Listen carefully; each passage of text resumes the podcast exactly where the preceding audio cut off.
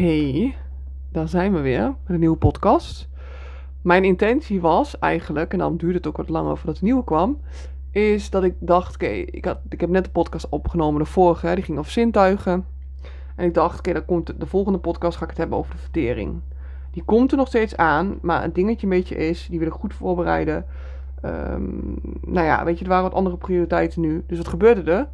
Ik nam ook geen podcast op. Want ik dacht, ja, weet je wel, dan moet ik nu die podcast maken eerst. Waar ik dus nog een soort van eh, mezelf, nou niet echt de tijd voor had gegund om dat even uit te werken. Dus ik deed ook helemaal niks. En toen dacht ik, ja, dat is niet helemaal de bedoeling. En ik had uh, vanochtend inspiratie. Dat waren eigenlijk inspiratie voor uh, wat stories op mijn Instagram.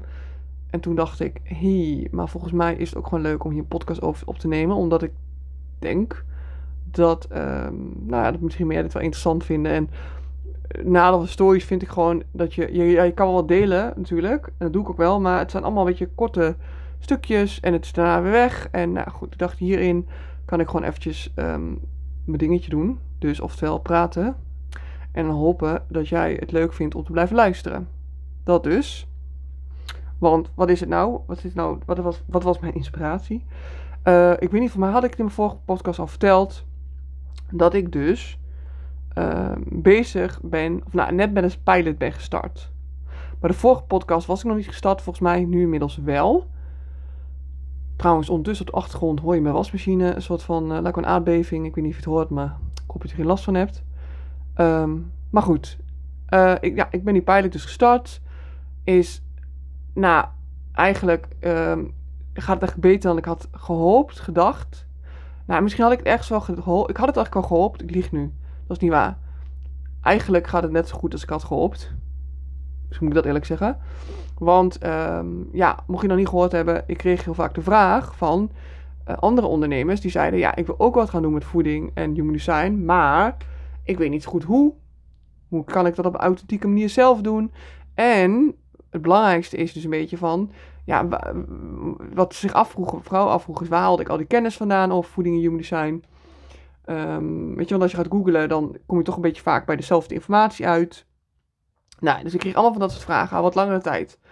Nou, een dikke uitnodiging natuurlijk voor mij als projecten zijnde. Maar ook, ik had ook heel veel belemmerende overtuigingen waarom ik daar nog niks mee ging doen.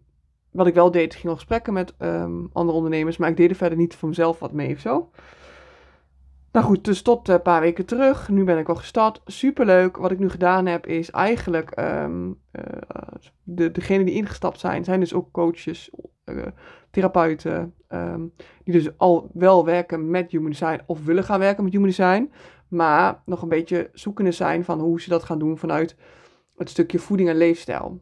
Dus zoeken in de zin van, oké, hoe ga ik dit nou doen op een authentieke manier? En zoekende in... Um, inhoudelijk. Van oké, weet je, wat kan ik allemaal nog meer leren over dit, dit, dit stuk, zeg maar. Ik heb daar, um, nou ja, toch heel wat maanden, jaren zelfs, um, informatie over opgezocht. En wat ik eigenlijk gedaan heb, is in die training dat allemaal samengevoegd. Dus, degene die instappen, hoeven niet meer zelf deal uit te vinden. En daarbij kijken we dus ook nog eens samen, hoe doe je dat nou dan? Hoe zorg je dan dat je het ook nog eens gaat doen op een leuke manier waarbij je past? Want Um, en dit is misschien een beetje persoonlijke mening, maar als je nu kijkt naar human design coaches uh, in Nederland, is het toch wel dat de meeste geven of algemene readings um, of business readings. Wat ik ook trouwens wel meer zie volgens mij is met kinderen, opvoeding volgens mij. Vind ik ook trouwens een hele leuke richting, ja, hoe moet je het even noemen? Uh, specialisatie, ik weet niet hoe je het noemt. Um, en dat is dus precies wat ik dus, wat ik er aanmoedig, is dat ik eigenlijk het ja, hoe mooi zou het zijn dat we dat wat meer gaan doen. Dat ik denk hè, dat, um, nou ja, dat human design op zoveel manieren meer kan toepassen in wat je nu al doet als ondernemer. En dat wil ik je dus even meegeven. Dat je dus niet per se algemene readings hoeft te geven. Als je het wil doen, moet je dat doen. Hè? Maar um, ja, ik krijg echt nu dus, door die mensen die met traject zitten. Er zit iemand bijvoorbeeld bij.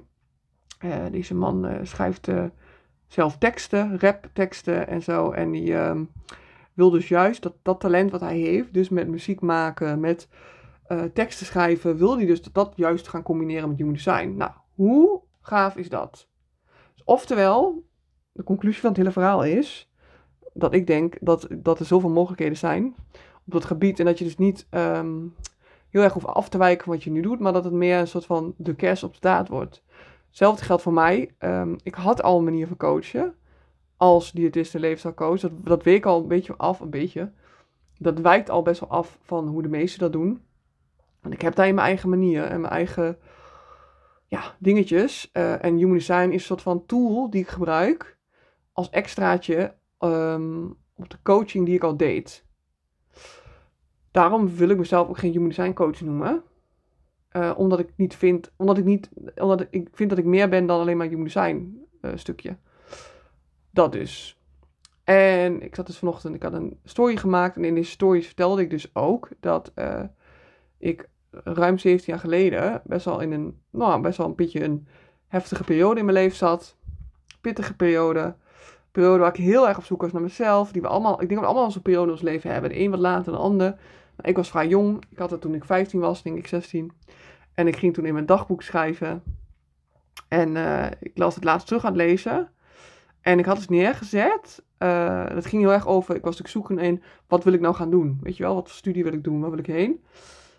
En ik had allemaal een beetje opgeschreven. Ik had onder andere opgeschreven: um, ik wil niet meegaan met de rest. Ik wil het op mijn manier doen. Impact maken op mijn manier. Op een manier die bij mij past. Ik voelde toen al heel sterk ergens van: oké, ik wil iets doen, maar niet, niet zeg maar op een standaard manier. Het moet wel bij mij passen. Ik had natuurlijk geen idee wat, hè, dat laat even duidelijk zijn. Want uiteindelijk uh, ben ik in elf jaar tijd, uh, ik denk echt dat ik acht opleidingen heb gedaan. Toen ben ik voeding diëtiek gaan studeren. Nou, 4,5 jaar voeding diëtiek gestudeerd. Na 4,5 jaar wist ik één ding zeker. Ik wil geen standaard tussen haakjes diëtist worden. Het voelde bijna als, nou ik wil niet zeggen dat ik de opleiding voor niks had gedaan, want dat is niet zo. Want ik heb, dus heel, ik heb echt heel veel uitgehaald. Want dat, dat even duidelijk zijn, want ik denk, sowieso denk ik met alles zo. Maar opleiding ook, ik heb er heel veel uitgehaald. Want ja, ik gebruik serieus nog wel dingen uit, mijn opleiding in mijn coaching. Dingen waar ik achter sta. Dus niet alles, maar wel een aantal dingen. Maar goed, ik wist wel zeker, ik ga het niet doen zoals ik het geleerd heb. Ik zag mezelf gewoon niet zitten in uh, een kamertje. En dat je dan uh, iemand gaat ontvangen. En dat je dan een kwartier de tijd hebt. Want anders dan, uh, de zorgverzekeraars, die vergoeden niet meer. Dus dan moet je in een kwartier iemand even snel advies geven. En 9 van 10 keer is het allemaal een beetje hetzelfde advies. En 9% valt weer terug. Snap je wat ik bedoel? En dan kom je een soort van, nee, nee, ik weet niet. Ik dacht echt, ik, ik vond het super frustrerend ook. Ik heb het meegelopen met andere diëtisten en ik vond het maar frustrerend om dan te zien dat elke mens weer terugkwamen en eigenlijk iedereen weer terugviel na een half jaar. En uh, ja, en dat je dus maar een kwartier hebt gehad met iemand om te praten. Nou, ik werd er niet zo blij van. En sowieso niet om in de hele dag in één ruimte te zitten, maar dat is even persoonlijk natuurlijk. Um, dus ik dacht, ja, wat ga ik dan doen?